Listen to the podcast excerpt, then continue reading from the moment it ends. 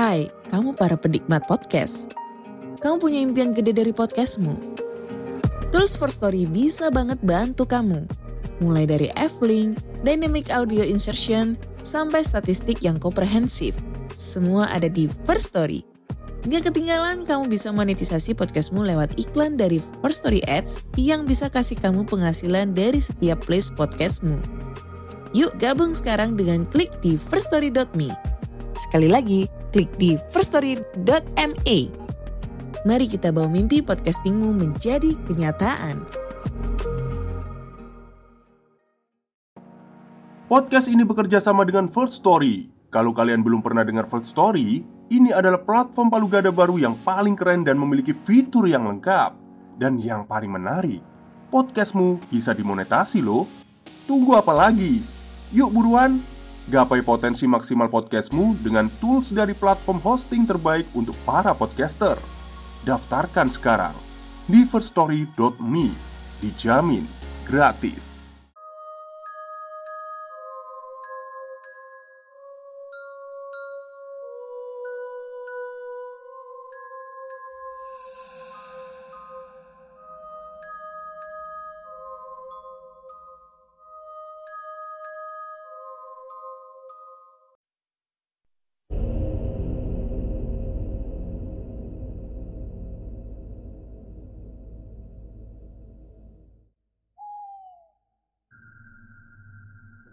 Assalamualaikum warahmatullahi wabarakatuh. Halo semuanya. Jumpa lagi dengan saya Chow Sing Sing Kurator dari podcast Horror Night Story. Halo apa kabar semuanya? Semoga kalian semua sehat-sehat ya. Dan seperti biasanya pada hari ini saya kembali dan akan menghadirkan sebuah kisah mistis untuk kalian semua Kisah mistis kali ini saya datangkan dari desa saya sendiri Dan bernarasumber dari RT sebelah ya. Sebut saja namanya Cak Soleh. Oke Daripada kita berlama-lama Mari kita simak ceritanya ya. Jadi saat ini Sudah dua minggu yang lalu uh, terjadi pembangunan di desa saya, maksudnya khususnya di daerah pemakaman ya. Nah, daerah pemakaman itu kenapa dibangun? Itu karena warga di yang di gang sebelah itu ngawur gitu. Itu kan harusnya tanah milik orang mati ya, tanah wakaf. Tapi karena nggak ada pagernya, mereka gunakan untuk berbisnis lah. Intinya kayak gitu. Ada yang bikin kolam lele di situ Terus ada yang berkebun, jualan kembang-kembang. Nah itu kan harusnya nggak boleh. Akhirnya dirapatin lah Di RT itu tadi Termasuk RT sini ya RT-nya ayah saya sendiri. Para RT ini rapat sama RW-nya satu Gimana kalau kita pagerin aja tuh makam biar warga itu nggak ngawur makainya. Oke setuju. Akhirnya mereka nembusin Pak Lurah. Setelah nembusin Pak Lurah Pak Lurah mengusahakan untuk mencarikan dana Untuk pembangunan pagar itu tadi. Dan singkat cerita berhasil Pembangunan dimulai dua minggu yang lalu Sampai sekarang belum selesai sih sebenarnya. Ya kurang dikit lah ini kejadiannya sekitar semingguan yang lalu ya tapi ya. Ada seorang tukang dan waktu itu udah hampir maghrib ya Masih lanjut kerja. Ada seorang tukang Yang tiba-tiba saat bekerja Itu diem aja. Kayak badannya itu kaku gitu ya Diem aja.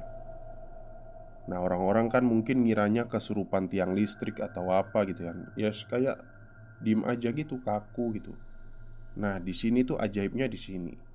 Ketika diangkat atau maksudnya itu berusaha dipindahin sama orang-orang itu orang-orang itu kayak nggak kuat, kayak berat banget nih orang. Entah dosanya atau apa ya nggak tahu ya. Pokoknya berat banget. Nah akhirnya orang-orang inisiatif panggilin aja deh uh, orang yang bisa kayak gini. Akhirnya datang tuh, tuh Pak Pak Modin. Pak Modin itu kalau di kampung itu ya orang yang bagian pengajian-pengajian itulah ya.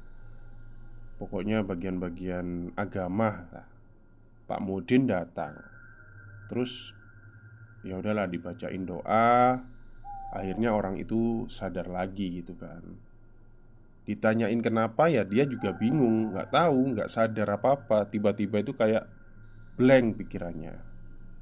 Ya itu tadi mungkin orang-orang mikirnya kesurupan tiang listrik atau apa kayak kaku gitu.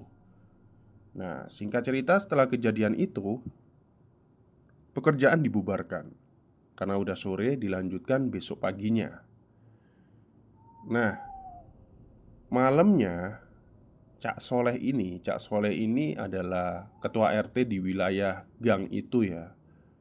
Itu keliling bawa senter Terus uh, ngelihat ke arah makam lah Lihat pembangunannya juga Sampai mana sih pembangunannya pagernya itu ya kan? Nah saat uh, Nyentrong Kok nyentrong? Apa ya? Nyinari lah ya Nyinari daerah makam. Itu ada Sosok putih Yang awalnya dikira Cak Soleh itu adalah Karung kapur. Putih kan karung kapur itu ya tapi kok gerak-gerak gitu kan. Disentrong terus. Eh ternyata berdiri. Setelah berdiri Ngadep ke Cak Soleh. Ya udahlah Tahu kan maksud saya Pasti pocongan lah ya.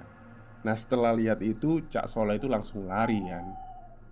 Tapi Cak Soleh ngomongnya wajahnya gelap gitu nggak kelihatan. Tapi wujudnya memang wujud pocong. Cak Soleh lari terus cerita ke orang-orang gitu kan. Tapi orang-orang juga sebenarnya memahami ya karena ya udahlah wilayah makam dan juga dulunya makam itu terkenal juga angker lah tapi sekarang udah enggak sih enggak seberapa angkernya oke setelah kejadian itu semua pekerjaan lancar dan ada satu lagi kejadian yang cukup uh, mengagetkan dan ajaib menurut saya. Ada kolam lele tadi saya ceritakan banyak kolam lele ya di situ ya di sekitaran makam. Akhirnya kolam lele ini tadi ditutup semua sama geragal. Geragal itu kayak ya intinya di reklamasi lah ya, direklamasi ditutup di sama sama ratakan sama tanah gitu kan kolamnya. Tapi ada satu kolam yang diisi batu, diisi pasir itu nggak penuh-penuh. Maksudnya itu nggak nutup-nutup. Sampai akhirnya Cak Soleh ini inisiatif ngambil kayu terus dicelupin gitu. Dipikirnya kan dalam banget tuh kolam. Ternyata ya ukurannya cuma sepinggang orang dewasa kan dangkal banget kan. Tapi kok pasir itu nggak penuh-penuh sama batu gitu Padahal sudah datengin satu pickup pasir lagi Tapi tetap aja nggak penuh-penuh. Karena merasa ada yang aneh Ditanyain Ini kolam punyanya siapa? Nggak ada yang ngaku. Nggak, nggak tahu kalau kolam ini nggak tahu. Dari dulu udah ada kolam ini. Akhirnya didatengin lah lagi Pak Mudin. Pak Mudin datang Mencoba menerawang apa yang ada di situ. Dan singkat cerita Pak Mudin ngomong Kolam ini biarin aja lah. Soalnya eh, Dari dulu yang Menghuni Daerah ini udah ada kolam ini Katanya gitu. Intinya itu punyanya penghuni di sini penghuni di sini tuh maksudnya ya udah jin gitulah ya. Karena dia juga udah tua, katanya Pak Mudin umurnya udah 500 tahunan di situ. Oke, akhirnya mak, uh, kolamnya itu cuma dipagerin doang. Ya, dipagerin kecil-kecilan lah biar orang-orang nggak nyemplung ya waktu ke makam gitu kan. Jadi kalau sekarang saya lagi ke makam itu ya ada kolam itu Dan masih ada lele-lelenya itu